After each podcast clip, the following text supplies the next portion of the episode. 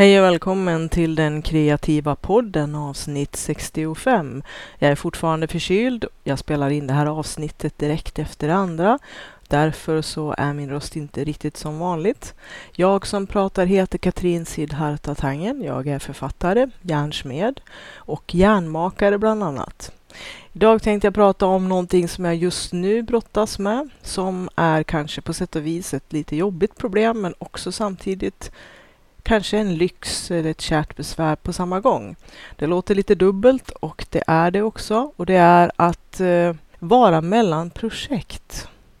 Det kan ju vara så ibland när man har avslutat ett projekt som man har varit väldigt, väldigt djupt försjunken och inblandad och innördad i och frossat verkligen i att få vara kreativ och göra det man har brinner för och har en stark eh, passion för.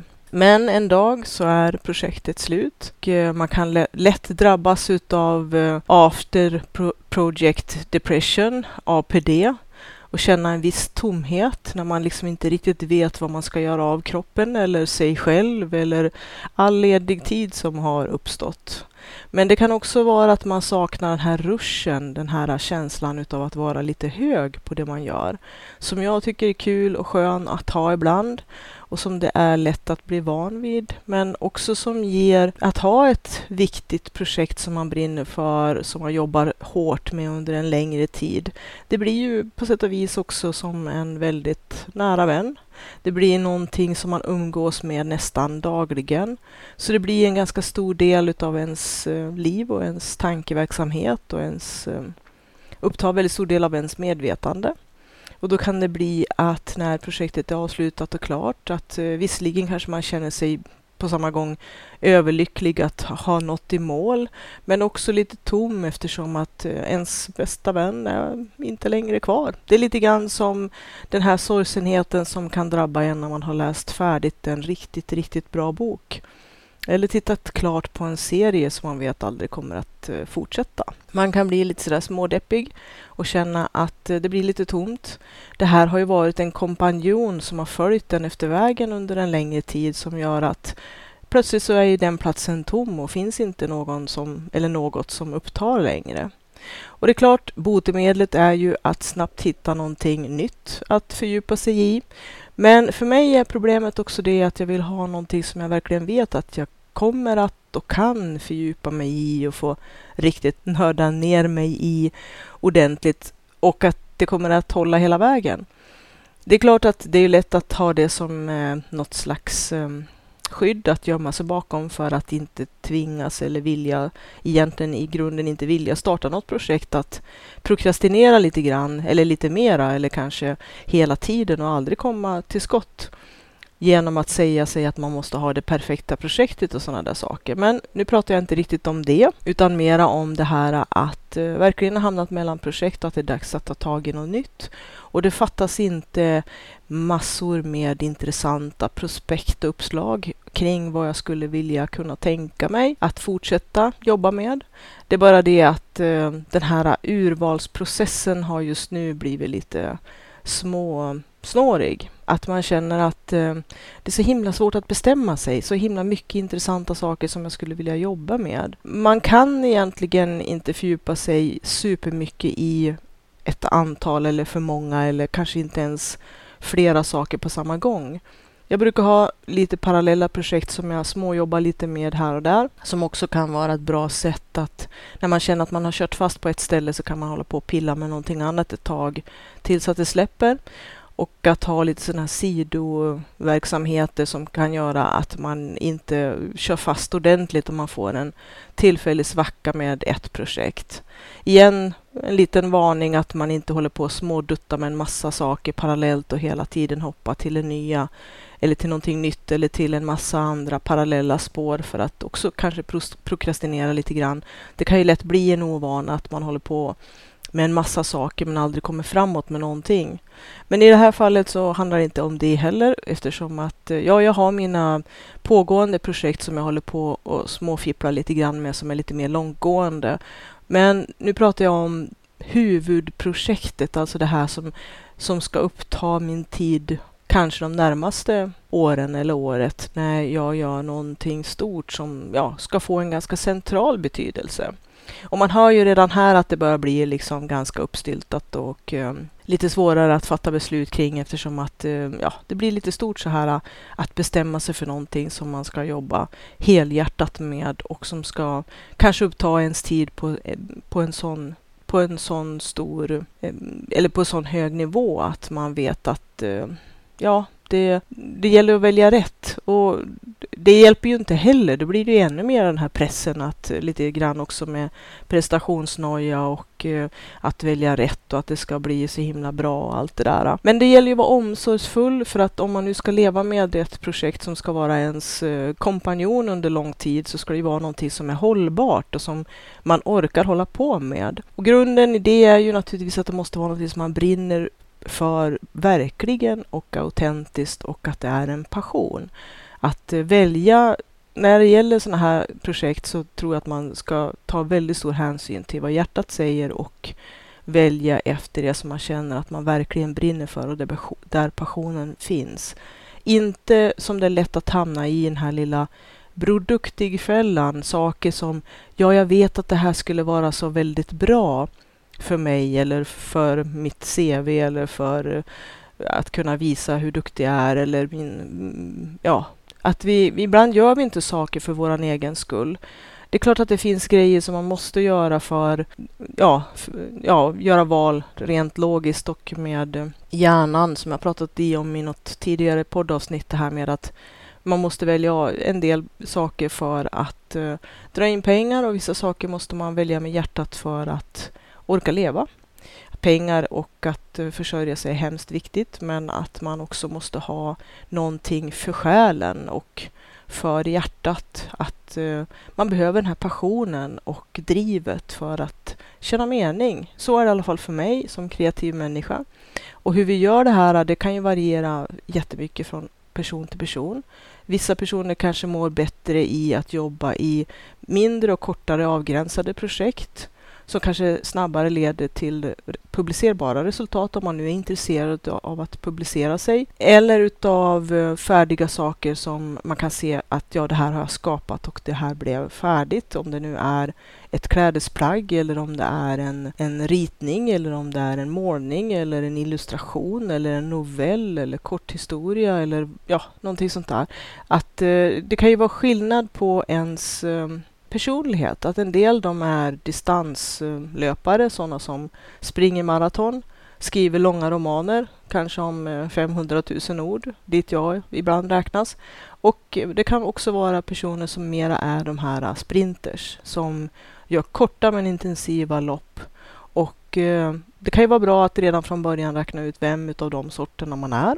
Om man nu inte är någon slags hybrid som jag tror att jag kanske är att jag eh, gör en del projekt som är långtgående och jag gör en del saker som jag vill att eh, ska ha lite kortare sträcka för att de ska bli klar. En sak som jag tror att många kreativa människor brottas med, det är den här, det kan ju låta jättelöjligt, men den här skräcken eller vad man nu ska kalla det, eller motståndet kanske är ett bättre ord, att vi bygger upp en någon slags eh, någon mental barriär från att faktiskt göra det där sista, sista lilla för att en sak ska bli klar. Och jag tänker väldigt mycket på ja, alla sorters kreativa människor. Det kan ju vara allt ifrån de som stickar och virkar och syr och till de som målar och skapar och jobbar med händerna och skriver korta stories eller ja, whatever.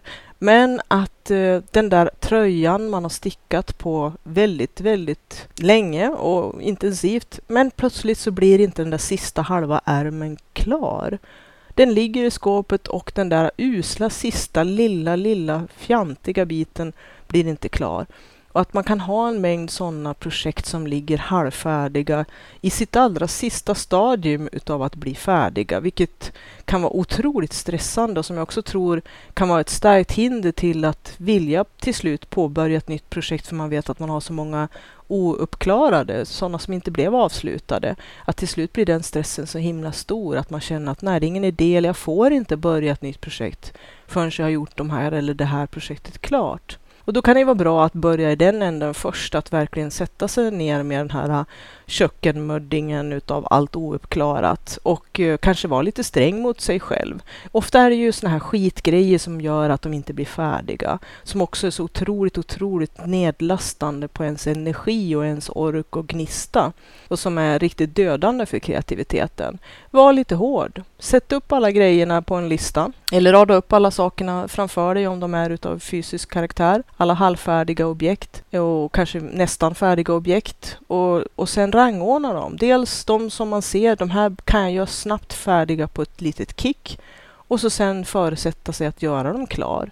De som tar lite längre tid får man liksom lägga på någon slags eh, kölista. Eller helt brutalt, om man vet att den här tröjan med den här halvstickade ärmen som har legat i garderoben i tio år, den kommer faktiskt aldrig att bli klar. Den ligger där som det onda samvetet, som det där skelettet i garderoben som hela tiden ligger där och, och liksom eh, rasslar med sina kedjor så fort man tänker en kreativ tanke och får en att direkt eh, tappa lusten. Släng skiten. Eller, det kanske är dumt. Man kan ge bort den. Det finns faktiskt de som säljer halvfärdiga saker som de har skapat, både hantverksmässiga och eh, mera konstnärliga på Tradera till exempel. Folk som gärna kan tänka sig att sy de där sista stygnen på korsstygnsbroderiet ifall att de får allt material nästan gratis. Lägg ut allting på Tradera. Eller i alla fall de delar som du känner ärligt att det här kommer jag inte att slutföra. Lägg ut dem för en, ja, en tia eller någonting eller ja, whatever som du tycker att materialet är värt för den som är beredd att slutföra ditt projekt. Eller skänk bort det. Det finns säkert många vänner och bekanta som skulle sno ihop det där på, på nolltid och kanske också dessutom få en grej som de skulle vara jätteglada att ha. Men om det är ett helt hopplöst projekt som man själv känner att nej, jag kan inte alls ens eh, lägga ut det på Tradera eller ge bort det, utan det här är antingen något jag inte är nöjd med alls eller att det kanske har gått helt ur tiden. Det kan ju vara så himla omodernt nu att det bara är skämmigt. Då kanske man ska tänka på att eh, att antingen eh, försöka återbruka det. Man kan ju till exempel, som en del gör då, om man nu ska ha det här med stickning som ett exempel, för det är ganska tacksamt, men man får applicera det på vilken del av sin verksamhet man har lust. Att man helt enkelt repar upp garnet och uh, lägger det i badkaret tror jag en del gör för att få det att inte vara så krulligt och så rulla upp det på nya garnnystan och så sticka någonting nytt av det. Eller i det skedet, skedet kanske kunna ge bort det eller skänka det eller mm, sälja det på Tradera eller whatever. Men en liten naturligtvis obsvarning. Se inte till att du får ytterligare en sten runt halsen med någonting som aldrig blir klart för att det är inte riktigt det som är meningen utan här gäller det lite snabba bollar, lite snabba skott. Så att den här listan eller de här sakerna som du har radat upp framför dig, de ska fort ut ur huset eller bli fort klara. Antingen eller. Inte att du ska hitta på några nya sätt att prokrastinera och fördröja hela saken, för då är det faktiskt bättre att bara ge bort allting i klump eller skänka det eller sälja det på rot, vad som helst.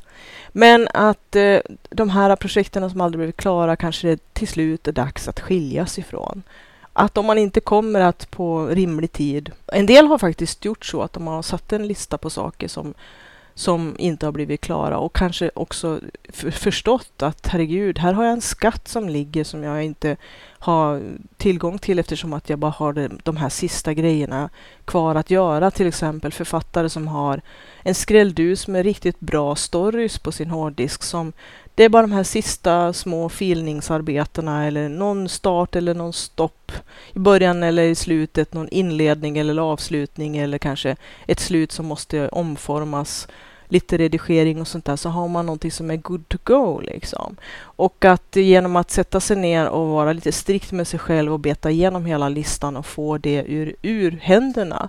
Det kan ju också vara oerhört inspirerande och väldigt stärkande för ens kreativitet. Att nu jäkla spotta i nävarna och ta tag i skiten helt enkelt och se till att det blir klart. Och de saker som är hopplöst förbi eller inte går att göra någonting åt, ja, slut fred med det. Få frid i att nu är det dags att vi skiljs åt. Vi skiljer våra vägar. Dags för lite separation. Och att det kanske är lite ledsamt. För en del saker har man svårt att överge och det vet jag också som kreativ människa. Att det finns en del sådana här man brukar ju som författare och i skrivarvärlden så brukar man snacka om det här med att kill your darlings. Det är de här superduper fina formuleringarna när man har svängt sig med orden så att man liksom bara känner hur armhårorna reser sig och man liksom, åh oh, wow, det här är så himla, himla bra alltså. Problemet är att det passar inte i storyn, det tillför inte historien någonting. Det bara är en slags grej för sig själv som i och för sig är bra och snygg. Och man kan ju naturligtvis spara de här äh, i ett eget klippotek om man inte kan skiljas från dem. Men när man jobbar med sitt manuskript så måste man ibland till slut faktiskt skiljas ifrån alla de här favoritformuleringarna och allt det här som var så coolt. Bara för att det faktiskt inte tillför storyn någonting. Det bara saktar ner tempot eller blir uppstyltat och verkar som att man försöker vara lite, lite märkvärdig på ett sätt som kanske i sin, i sin helhet inte riktigt passar in just i det sammanhanget. Och då är det dags, som man säger, kill your darlings. Det låter lite brutalt, men det betyder att man klipper bort de delarna som man är förälskad i. Man har svårt att skilja sig från dem, för att av något skäl så har man faktiskt gillat dem så himla skarpt och man eh, har lite svårt från att inse att nej, deras tid är antingen förbi eller här passar de inte in. Och det var kanske en vacker tanke, men det riktigt gick inte. Man kan som sagt spara de här textsnuttarna i en liten fil om man känner att det blir lite lättare att ta bort dem ur manuskriptet. De kan ju komma att återbrukas i något annat sammanhang där de skulle kunna passa bättre. Det vet man inte. Men det här med att skilja sig från saker kan vara ibland svårt. För att man har ju också, ju mer man har väntat med att ta fram stora saxen och klippa bort de delarna som faktiskt inte passade in, ju mer byggs det här motståndet upp. Men det är inte just nu heller mitt problem, utan mitt problem är mera det att jag har några riktigt intressanta saker som jag vill jobba med och jag står som en, som en åsna mellan flera hötappar och ska försöka välja. Vilken av de här sakerna ska jag göra som jag just nu ska ge, i alla fall inte kanske hela mitt fokus, men en ganska stor andel av mitt fokus och verkligen gå in för och då blir man ju lite sådär uh, hit och dit och fram och tillbaka. Det blir liksom väldigt svårt. Och jag har, känner jag nu då, stått ganska länge. Det kanske jag upplever rent mentalt att det har tagit mycket längre tid än vad det faktiskt har. Jag har ju också varit ganska hårt belastad utav, som jag pratade om i förra avsnittet, med dödsfall och saker som har inte funkat uh, att kombinera ihop med kreativt arbete för att det har tagit alldeles för mycket utav min mentala bandbredd helt enkelt och känslomässiga med för den delen. Men att uh, nu i alla fall så känner jag mig redo för att eh, komma ur startblocken rejält. Och då så måste man ju till slut fatta ett beslut. Det är ju bara så om man nu ska komma ur startblocken. Hur länge till kan jag vänta? Det jag tror, som sagt, om man nu ska sammanfatta lite kort det som jag har pratat om, det är att försöka se igenom när man kanske håller på med process olika typer av prokrastineringsmetoder eller tekniker. Att inte låta gammal skit eh, sänka en eller hålla en nere utan i så fall kapa ankaret och eh, sjunka ankaret och eh, försöka flytta upp till ytan igen och få tillbaka sin energi. Och att eh, få ur saker ur händerna om man nu snabbt kan fixa så att man kan ta tag i sina gamla synder. Så kan man göra det också men inte låta det bli en fördröjnings eller en uppskjutarsjuka eller någon typ av ytterligare prokrastineringsmetod. Att inte hålla nere sin egen energi genom att Eh, tvinga sig till duktighetssaker, sånt som ja, det här skulle vara så bra för mig eller det här är så himla nyttigt. Det är lite grann som man läser böcker som man vet är så otroligt angelägna eftersom att det är så många som säger att de är så himla bra, klassiska och, och jättebra, nyttiga och vettiga och allmänbildande och vad som helst. Men i grund och botten så är det någonting som inte intresserar en ett skit, ärligt talat. Men vi ändå på något vis faller i den här produktifällan att vi liksom ska göra saker för att det är så himla bra för oss. Det är lite grann som det här med att vi vill tjäna en massa pengar för att köpa massa prylar vi inte vill ha för att imponera på folk vi inte tycker om. Nej men hallå, det kanske inte riktigt är rätt sätt att få livskvalitet. Gör något annat istället. Hamna i produktifällan, det är rätt lätt och ibland så läser jag böcker som jag kanske skulle skippat. Alltså att jag läser böcker för att ja, de ska vara så hyggligt bra. Och det är klart, alltid kan man väl hitta något guldkorn, men ska man verkligen ägna väldigt många timmar åt en bok som i grunden inte egentligen ger en så mycket? Och det är samma sak med ens egna projekt också. Gör man grejer som man bara gör halvhjärtat, då det faktiskt att svika sig själv och även de som är mottagare kanske i, i förlängningen. Om man nu har några mottagare. Det kan ju vara också att man gör saker bara för sin egen del, för sitt skapande eller för, för sig själv. Jag menar om man skapar ett plagg till exempel eller ett smycke som man själv tänker bära och aldrig kommer att trivas med det och man inser det redan från start, men då kanske man eh, inte heller ska hålla på med det, även fastän att det är någonting som just nu är jättemodernt eller som man bara ska ha inom citattecken. Skippa det och gör någonting som du mår bra av, någonting som du trivs med, någonting som du känner lockad av och som du känner verkligen skulle utveckla dig och som höjer din energi istället för att dränera dig på energi. Det är väl de eh, råden så här långt. Men eh, jag kommer ju in då lite grann från flanken här med att ha en hel del jätteintressanta saker som jag vill göra och stå som en åsna mellan hötapparna och vet inte riktigt vad ska jag välja nu. Jag vill göra allting på en gång och det kan ju vara lite grann en fälla det i sig också. Att allting som är nytt shiny shiny, att hoppa från blomma till blomma, att göra lite grann här och göra lite grann där, hoppa på ett projekt och sen så när det förlorar lite fart och energi hoppa på nästa och tro att det ska vara lösningen. Att det är bättre att eh, istället för att hoppa på varje ny glänsande sak som dyker upp, eller kanske också som en prokrastineringsteknik, att så fort någonting börjar gå liksom lite kärvt och lite tungt så då är det så himla lätt att lockas över på någonting nytt. Att nej, men nu har jag fått en mycket, mycket bättre idé. Den ska jag jobba med istället. Men det kanske inte heller är den smartaste lösningen, för då kommer man igen att hamna i den här sitsen med en massa skelett i garderoben som skriker åt en och rasslar med kedjorna så fort man vill göra någonting nytt. Eller så växer högen bara okontrollerbart och till slut så sitter man där med någonting som gör att man mår dåligt och känner sig kass och att man är värdelös för att man aldrig får något ur händerna. Och det kommer ju att hända förr eller senare ändå att man samlar på sig sådana projekt. Men det är att bara försöka att eh, ta itu med dem vartefter tror jag. Men helst av allt inte låta den där högen växa sig för hög och inte se det som en det blir ju lite grann att lura sig själv och hela tiden tro att nästa projekt ska vara räddningen eller att det ska bli det här äh, shiny shiny nya som ska vara faktiskt då den förlösande saken som ska få en att gå i mål eller att det, ska, att det är det som ska göra att uh, rätt nyckel vrids om i rätt lås och så plötsligt äh, uh, hevreka så ska allting stämma och man kan eh, få någonting färdigt. För ändå är det så att ha fått någonting färdigt, det finns ingenting som slår den känslan. Samtidigt som jag var inne på förut här med att eh, vi har ett stort, stort mentalt hinder att bli färdiga. Dels för att vi är rädda att förlora vår kompanjon kanske. Att det har kanske varit ett slags livsinnehåll under en, en längre eller kortare tid som har gjort att vi har hållit oss flytande och att vi har haft den här passionen och glöd glöden och den här brinnande ja, kärleken till det vi har gjort och att det är väldigt svårt att separera från det. Men också att eh, när vi inser att vi börjar närma oss slutet så är det lite andra saker som börjar kicka in och det är ju det att aj, aj, aj, nu börjar det närma sig att en sak blir färdig och det blir väldigt, förutom att det blir väldigt definitivt att en sak då, ja, att det blir ett avslutat projekt och lite after project eh, depression och tomheten, så är det ju det att vi kommer ju då att ha ett resultat som, ja, i första hand vi själva då kan bedöma och kanske kritisera eller att andra kommer att kunna se och bedöma och kritisera. Och det är ju det här som är lite grann den stora baksidan med att vara en kreativ människa. Dels för att vi ofta är väldigt, väldigt självkritiska och det måste man försöka jobba bort. Jag har ju pratat ganska mycket om det.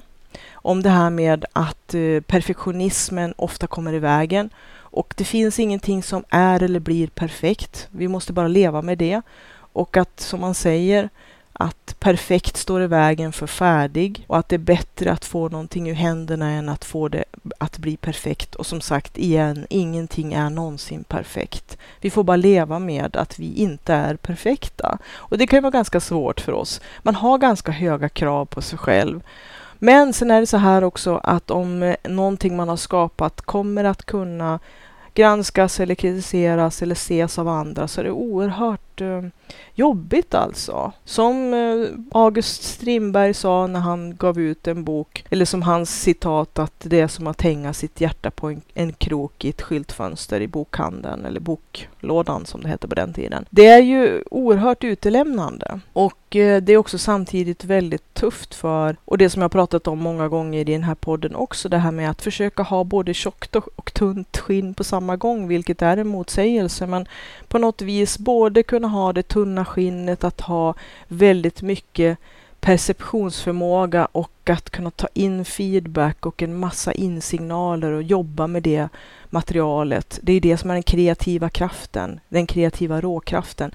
Men att ha tjockt hud när det kommer till vad omvärlden kommer att tycka och tänka och säga om del kan vara riktigt förklenande och riktigt nedsablande och ganska taktlösa och okänsliga därtill. Och en del vill helt enkelt inte att det ska gå bra för en.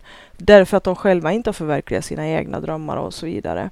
Så att man måste ha ett stort sjok av tjock buffelhud när man blir klar.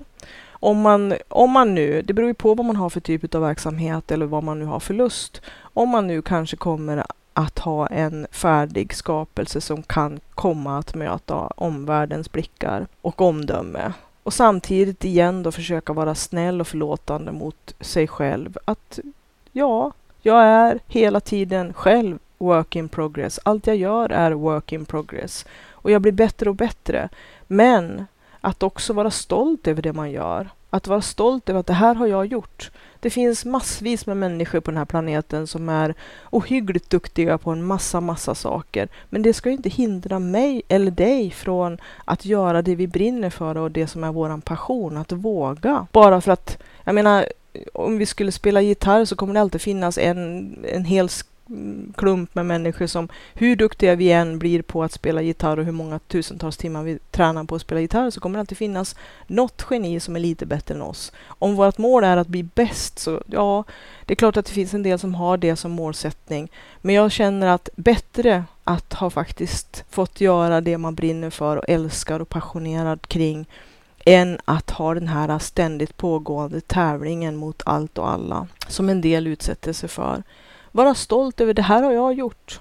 Det här är min unika skapelse. Det här har jag skapat. Jag har varit kreativ och det gjorde mig väldigt, väldigt lycklig när jag gjorde det. Och det gav mig en massa energi och kraft och vilja att finnas i det här livet. För mig är det så. Utan kreativiteten vissnar jag. Livet blir astrist och jag behöver vara kreativ för att vilja och orka leva. Det är min bästa, min bästa pedagogik och min bästa KBT och min bästa psykmedicin. Alltså om man nu, ja, det, jag tycker inte om att kanske kalla det för det, men kalla det terapi då. Arbetsterapi för att orka med livet, de tråkiga sidorna, det är liksom, eh, utan kreativiteten så skulle jag som sagt vissna och tycka att det var ganska meningslöst. Alla kanske inte är som mig, men om jag skulle tävla mot alla andra människor som är genier i alla de olika verksamheterna som jag håller på med, då skulle jag bara kunna gräva ner mig under en sten och dö. Det liksom är inte en meningsfull väg. Och som man säger, hellre lyss till den sträng som brast än att aldrig spänna sin båge. Och att eh, faktiskt vi är bara människor. Igen måste man påminna sig att vi är bara människor. Och vad spelar de hundra år? Vi kommer alla att vara jämlika när vi ligger i träfracken. Vi kan inte ta med oss någonting dit vi ska. Släpp loss! Kapa trossarna kring alla borden måste och skulle och att det måste vara någonting som ger pengar. Det är ju också den här saken som jag alltid tycker kapar all kreativitet. Att så fort som man har gjort någonting så är det någon som frågar Ja, hur många har du sålt? Hur mycket pengar har du tjänat? Skit i det du, har jag lust att säga. Ursäkta min dåliga franska. Men det här är någonting som är viktigt för mitt livsinnehåll. Det är därför jag lever, att få vara kreativ. Att göra till en krass fråga om bara pengar, det är något som är extremt avtändande och osexigt. Och att hela tiden vara tvungen att bevisa sig eller att vara världsbäst på någonting, det är ganska tröttsamt också i längden. Nej, njut av din skapande kraft, utav din kreativitet och gör det som är rätt för dig. Det är i alla fall ett av mina starka råd. Nu hamnar jag på tvålboxen i alla fall och Ja, men så är det när man brinner för någonting. Man kan inte hejda sig. Men hur blir det för mig nu då? Kommer jag någonsin att kunna välja ett projekt som är värdigt nog? Ja, förmodligen ganska så snart så kommer jag att ha gjort det. Om inte annat får jag väl köra Ole Dole Doff eh, med de här eh, olika kandidaterna som jag känner starkt för allihopa. Och det är väl kanske just det som är problemet. Jag känner lika starkt för allihopa och vill göra alla på en gång och det vet jag ju av erfarenhet att det brukar inte bli så himla bra. Det brukar vara ganska svårt att lyckas med och att man blir för splittrad och att det tar alldeles för lång tid. Så att det mest eh, effektiva och mest belönande det är faktiskt att koncentrera sig kanske inte bara på ett enda men några få saker i taget. Man ska ju fortsätta ha sitt vanliga praktiska liv ute i den operativa verkligheten samtidigt. Och det gör ju att eh, bandbredden är lite begränsad. Det finns en gräns för hur mycket man hinner, orkar och kan. Och att det kan vara bra att ha lite koll på, på det och att ge sig själv rimliga förutsättningar. Inte att gömma sig bakom att man inte bor på det perfekta stället och har fått eh, livslång konstnärslön och så vidare och så vidare, utan att man kanske ser till att eh, skala bort några tv-serier, skala bort en del energikrävande människor aktiviteter som inte tillför någonting. Att vara lite hård mot sig själv och inte sitta och slösurfa hela tiden och hålla på och plinga med alla sociala plattformar och eh, nästan eh, tvångsmässigt kolla sina mejl och sådana saker, utan att faktiskt avdela tid för det som man brinner för, för sin passion. Jag har några trick också för att komma igång med eh, drömprojektet som gör att jag får lite extra skjuts. Och eh, det kanske är faktiskt lite fel putting the cart before the horse, som de säger på engelska. Att man sätter vagnen framför hästen, kanske man kan säga och tycka. Men ibland så har jag märkt att det har hjälpt mig att Eh, visualisera, att få syn på det som jag vill göra och också kanske skapa en egen morot till mig själv att både vilja och att göra det som jag längtar efter. Så ibland kan jag fuska lite grann och ehm, i förväg skapa till exempel ett bokomslag. Det kommer förmodligen inte att stanna vid det bokomslaget utan det kommer säkert att bli modifieringar. Men man kan se det som en slags ehm, arbetsdummy. I tidningsvärlden så har man ju ofta jobbat med dummies. Att man gör någon slags, vad ska vi kalla det, en fysisk, eh, i alla fall en fysiskt ehm, möjligt mm, föremål att kunna betrakta, kanske till och med hålla i sina händer. Att man då gör ett upplägg där man ser lite, ja, lite skissartat och provisoriskt hur saker och ting kommer att se ut och te sig. Att på det viset göra det mer konkret kring det som man tänker jobba.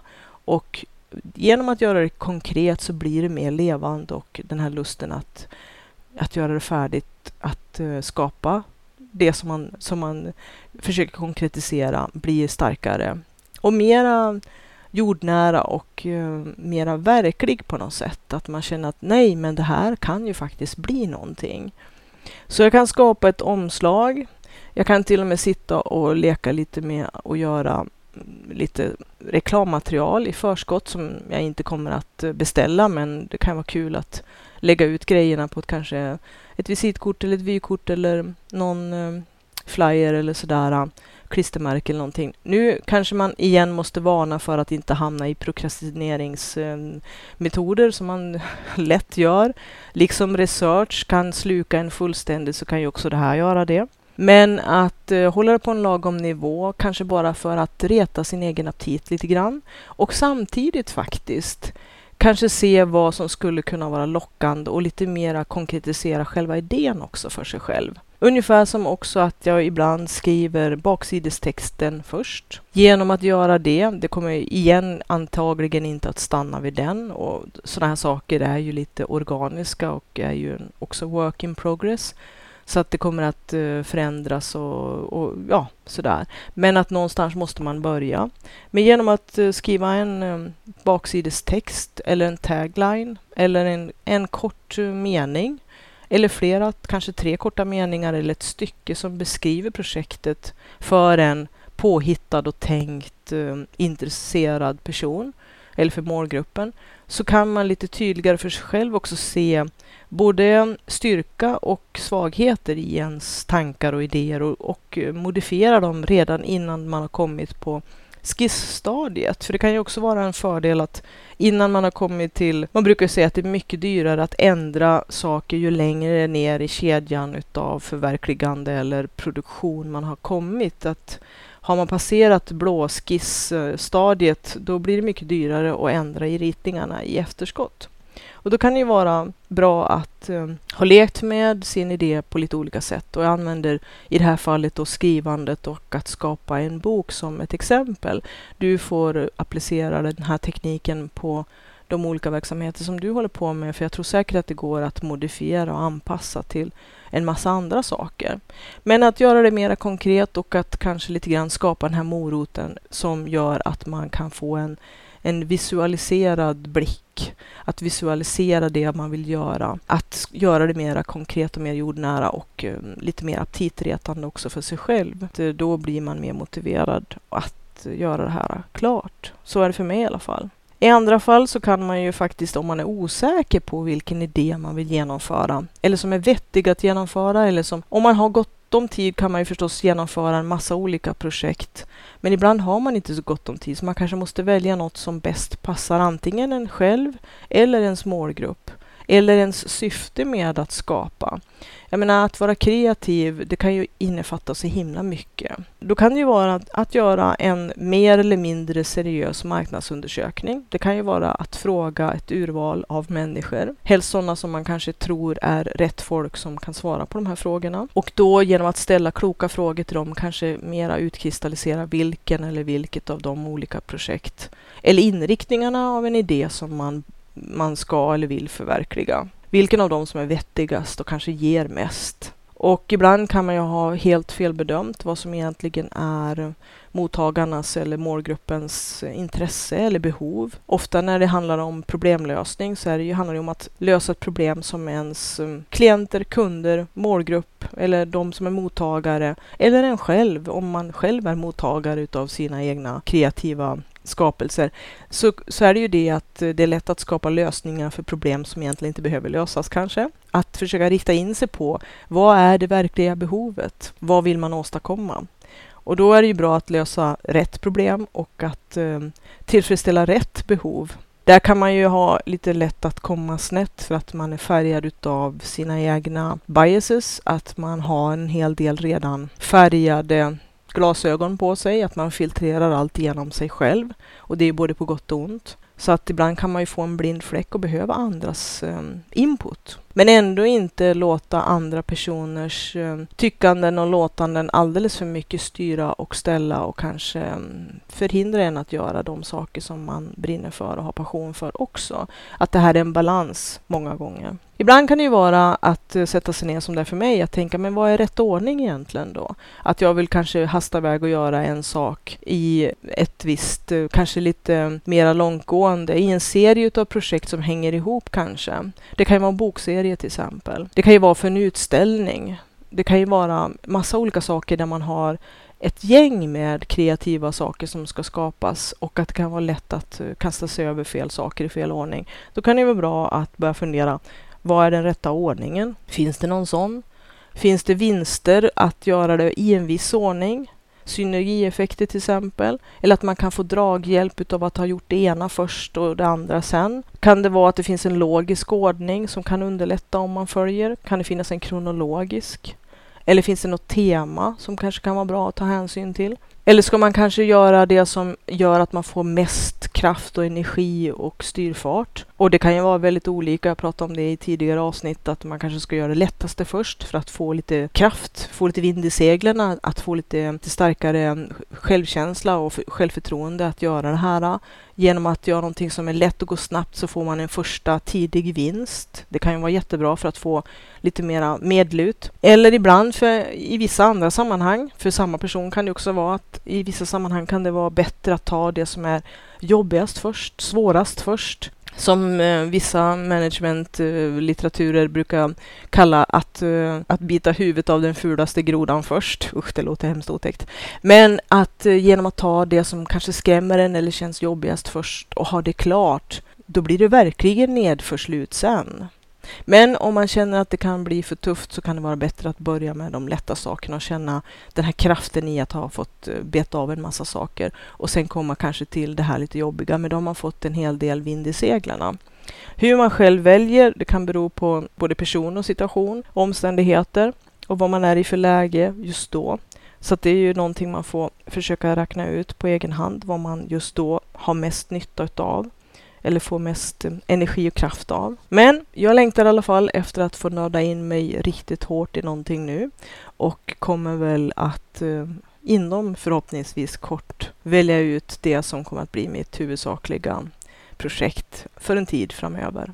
Hoppas du har haft nytta och glädje av den här podden. Du får gärna gå in på www.sidharta.se Z-I-D-D-H-A-R-T-A.se du kan också stödja den här podden genom att ge ett bidrag, till exempel vad en kaffe kostar per månad genom att gå in på Patreon-sidan www.patreon.com sidis Z-I-D-D-I-S Patreon stavas lite lurigt. P-A-T-R-E-O-N om jag inte missminner mig. Ha det gott och vi hörs igen.